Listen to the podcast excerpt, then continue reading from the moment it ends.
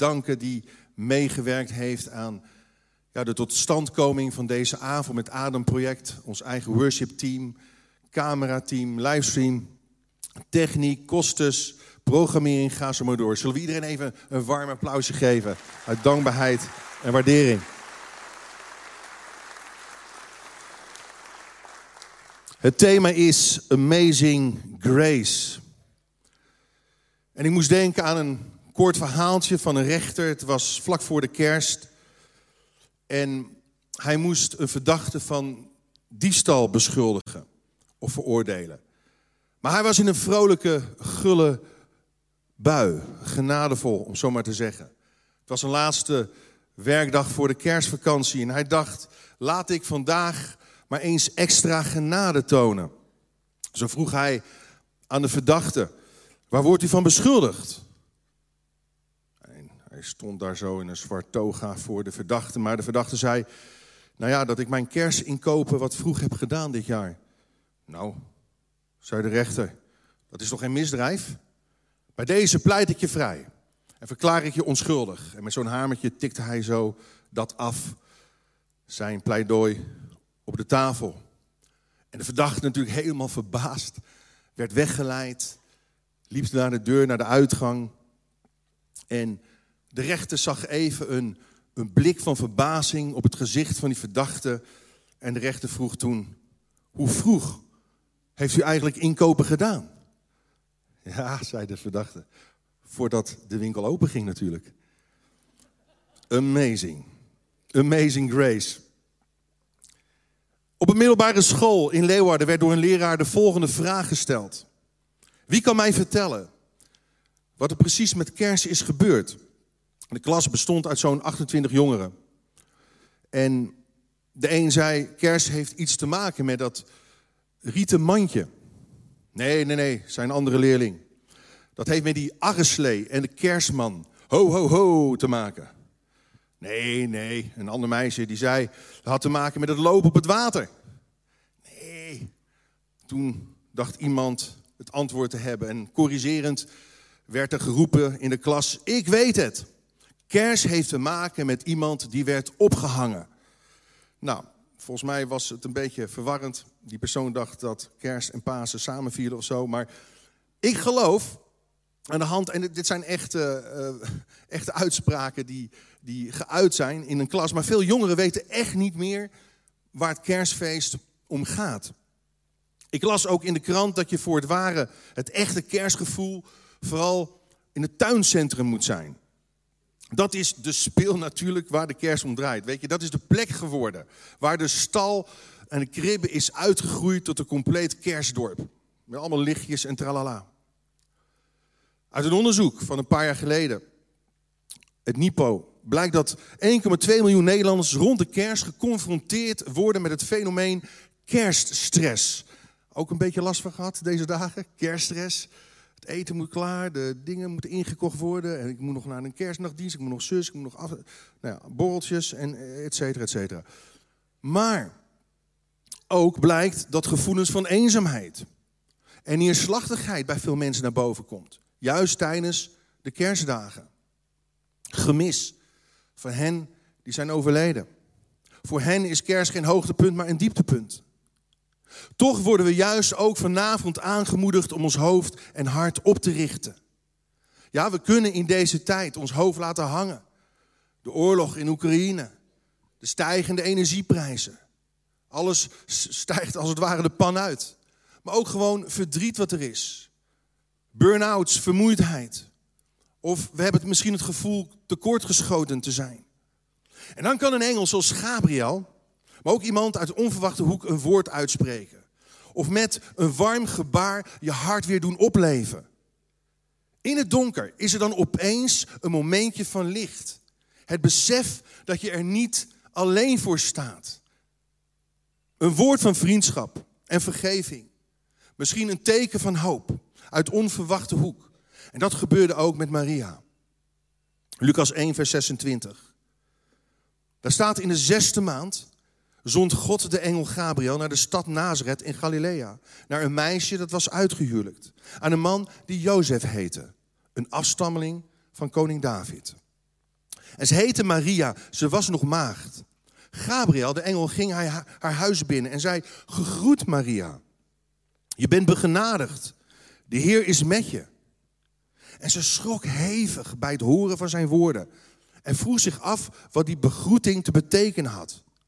Maar de engel zei tegen haar: Wees niet bang, Maria. God heeft je zijn gunst geschonken. Luister, je zult zwanger worden. En je zult een zoon baren. En je moet hem Jezus, dat betekent de redder noemen. Hij zal een groot man worden. En zoon van de Allerhoogste worden genoemd. En God de Heer zal hem de troon van zijn vader David geven. Weet je, de geschiedenis van het kerstverhaal gaat meer dan 2000 jaar terug in de tijd. En beseffen we wel waar het eigenlijk ten diepste om draait. Zoals het lied Mary Did You Know zegt. Mary, did you know that your baby boy is Lord of all creation? Maria, weet je wel, besef je wel dat jouw baby de Heer van de schepping is?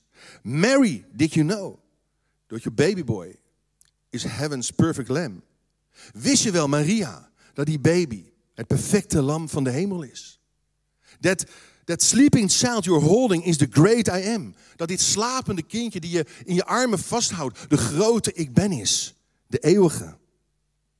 Weet je, het gaat met kerst om de aankondiging, maar ook om de geboorte van Jezus. De zoon van de Allerhoogste God. Waarom? Om de afstand tussen God en mens te verkleinen. Om de breuk tussen God en mens te herstellen. Om de kloof tussen God en mens te overbruggen. Om die reden is God in de huid van de mens gekropen. In de rauwe werkelijkheid van ons bestaan. Hij is daar te vinden, juist daar waar het leven schuurt, waar het leven misschien pijn doet en wrikt. En dit is in twee woorden samen te vatten. Amazing grace. Wonderlijke genade.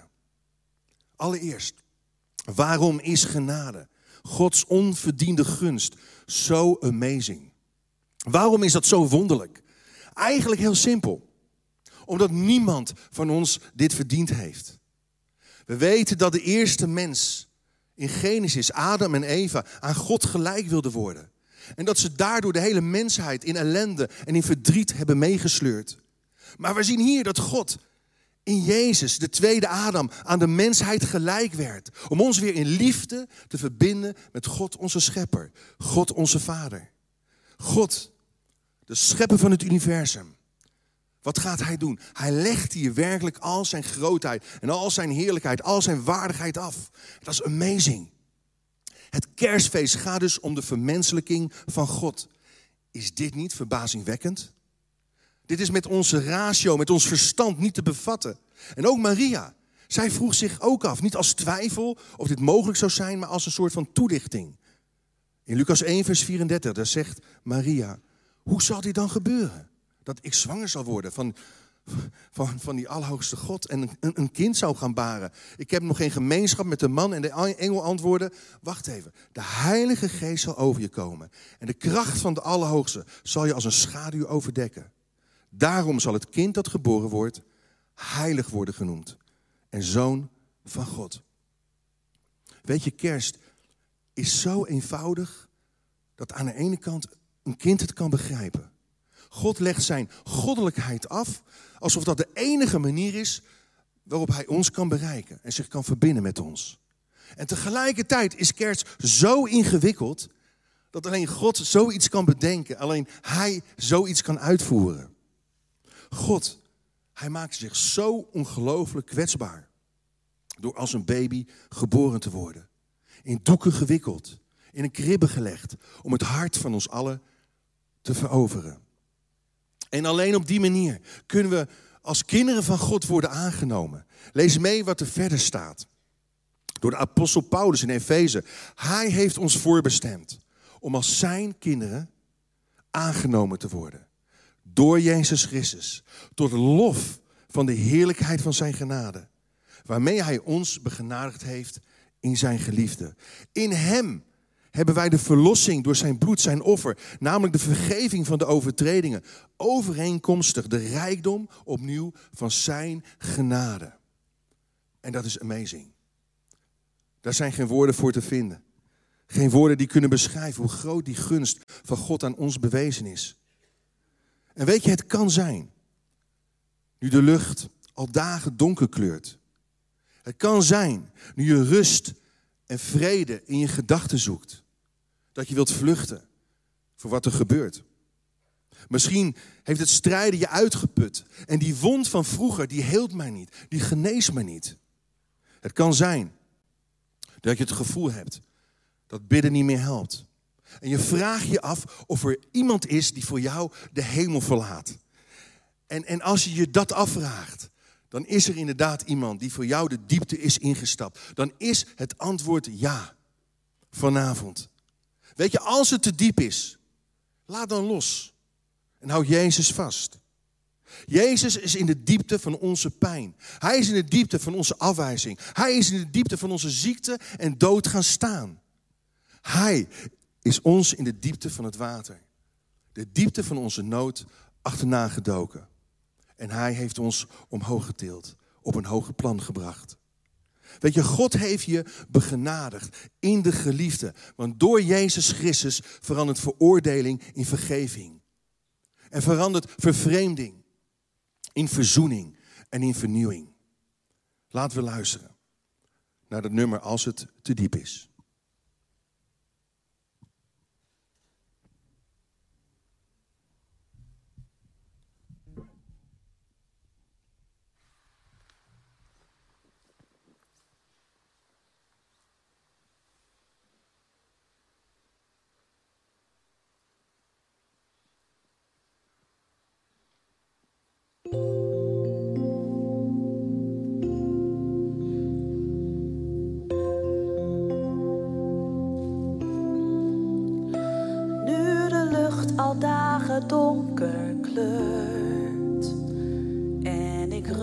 Mijn gedachten zoek, wil ik vluchten voor wat er gebeurt,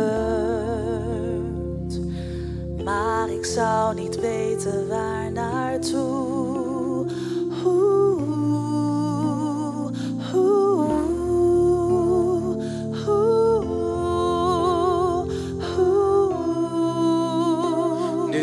pijn ontwijken niet meer lukt.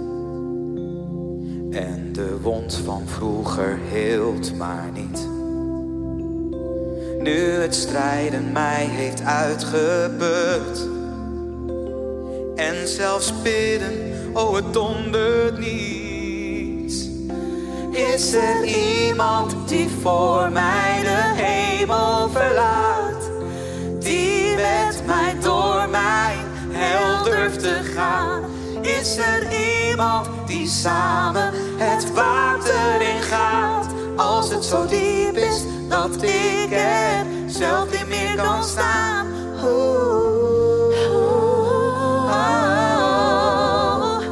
Als het te diep is, als het te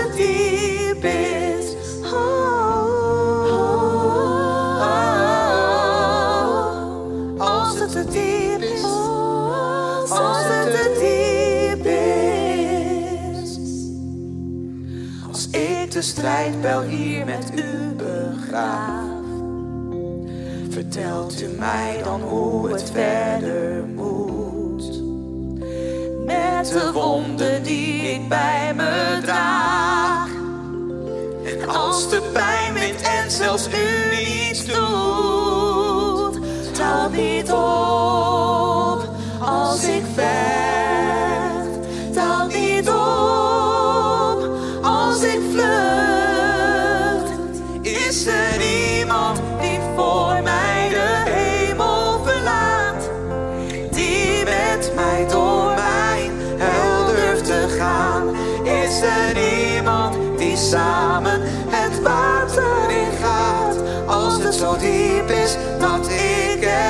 zelf niet meer kan staan.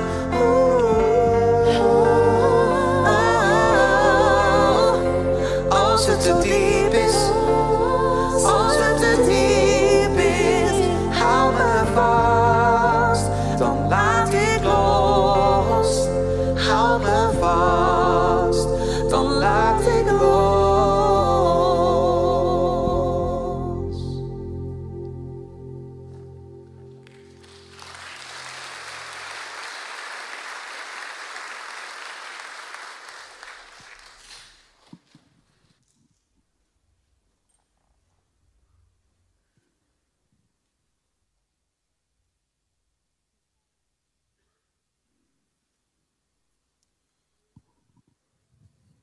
hebben genade, wonderlijke genade nodig.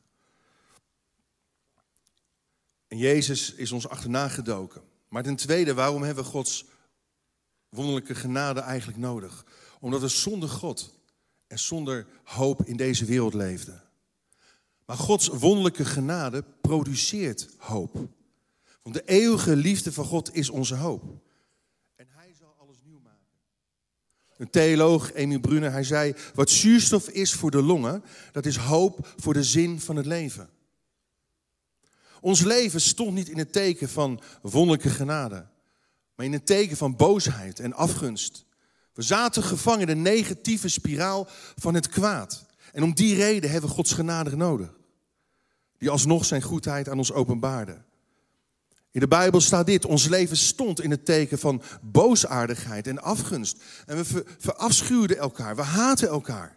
Maar toen zijn de goedheid en mensenliefde van God onze redden openbaar geworden. En Hij heeft ons gered. Niet vanwege onze rechtvaardige daden, maar uit barmhartigheid. Amazing grace. De goedheid en de mensenliefde van God, onze redder, is openbaar geworden. Heel concreet in onze geschiedenis, in een menselijke gedaante. Want tijdens zijn leven ging Jezus rond om mensen te bevrijden die van, door de duivel overweldigd waren. Om mensen te genezen van hun ziekte. Om mensen te bevestigen in hun waarde en te herstellen. En een plaats te geven in het hart van God.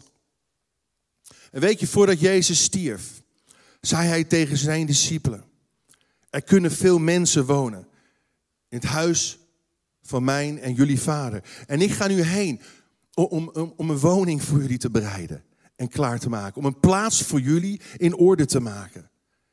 En ook al was er geen plaats voor hem op aarde, hij is gekomen om ook voor jou en mij een betere plaats in orde te maken. Vraag je je af hoe groot en wonderlijk Gods genade is. Je vindt je antwoord van een houten kribbe tot aan een ruw houten kruis. Want daar zie je God, je maker, met handen vastgespijkerd. Hij werd een man van smarten, vertrouwd met onze ziekte.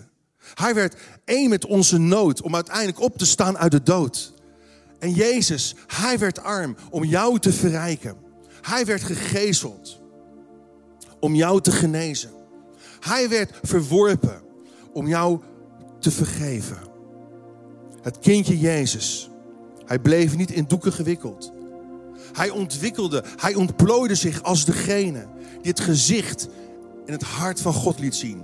En Jezus zei, als je mij hebt gezien, heb je God, mijn Vader, gezien.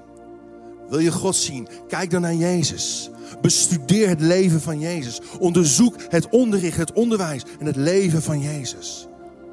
Dan kom je God tegen in de schrift, in de Bijbel. Weet je, God zegt ook vanavond. Het is, het is jouw zonde die ik gevoeld heb.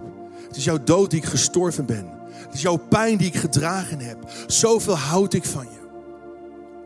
En aan jou de keuze. Neem dit hemels geschenk, want dat is genade, een geschenk. Neem je dat aan. Pak je het uit. Of laat je het liggen en stel je het uit. God zegt vanavond tegen jou, jong en oud. Arm of rijk, maakt niet uit. Ik ben de adem van het leven. Hoop voor wie niet verder kan of wie niet verder wil. Ik ben de rots waar je op kunt bouwen. Er is niets van je dat ik niet ken. Ik weet precies wie je bent. En weet je, zoals adem steeds leven geeft, adem ik in jou. Zullen we onze hoofden buigen en Jezus uitnodigen om in ons leven, om, om in ons hart te komen met zijn geest, met zijn adem. Zijn adem die leven geeft, zijn ruach. Met al je vragen en met al je zorgen word je uitgenodigd om je ziel weer op te richten. Om je verlangen te laten spreken. Om je dromen te laten herleven. Om je hart te verheffen tot de eeuwige, de geheime bron van leven en van kracht. Het woord dat alles schiep. Zonder hem is geen ding geworden dat is. En weet je, er zijn misschien op dit moment mensen hier in de zaal of mensen thuis. En hun hart is ingepakt. De wereld heeft ze betoverd. De boze fluistert je in dat God niet van jou houdt. Dat je niets voorstelt. Dat je in en in slecht bent. Dat geloven voor jou te ingewikkeld is. Maar dit is niet de stem van genade en waarheid. Dat is de stem van de leugen. Luister naar de stem van de engel. Gabriel. En bid met me mee. Als je dat wil. Maak die keuze om je hart te openen. Om hem toe te laten. Bid met me mee, zachtjes of stilletjes in je hart. Vanavond mag je je hart laten uitpakken. En in Gods amazing grace ingewikkeld worden. Vanavond mag je je hart openen met de woorden van de engel. En wie je ook bent, hoe je ook heet, Maria, Marco, Anna, Nicola, Ellen, Erik, vul je namen in. Je bent begenadigd. Je bent door God gewild, je bent door God geliefd, je bent bijzonder, je schuld is weggenomen. God kwam als redder voor jou hier op aarde. Om jou te bedekken met zijn amazing grace. En als je ja zegt, dan wil ik je ook verwelkomen, ook straks na de dienst bij de infobalie. Dan mag je een welkomstpakketje komen halen. Je mag, je mag misschien aangeven dat je een gesprek nodig hebt of gebed nodig hebt. Maar ik geloof dat amazing grace een werkelijkheid in jouw leven kan worden. Vanaf nu, vanaf vandaag, vanaf vanavond. Ik zegen je in Jezus' naam. Amen.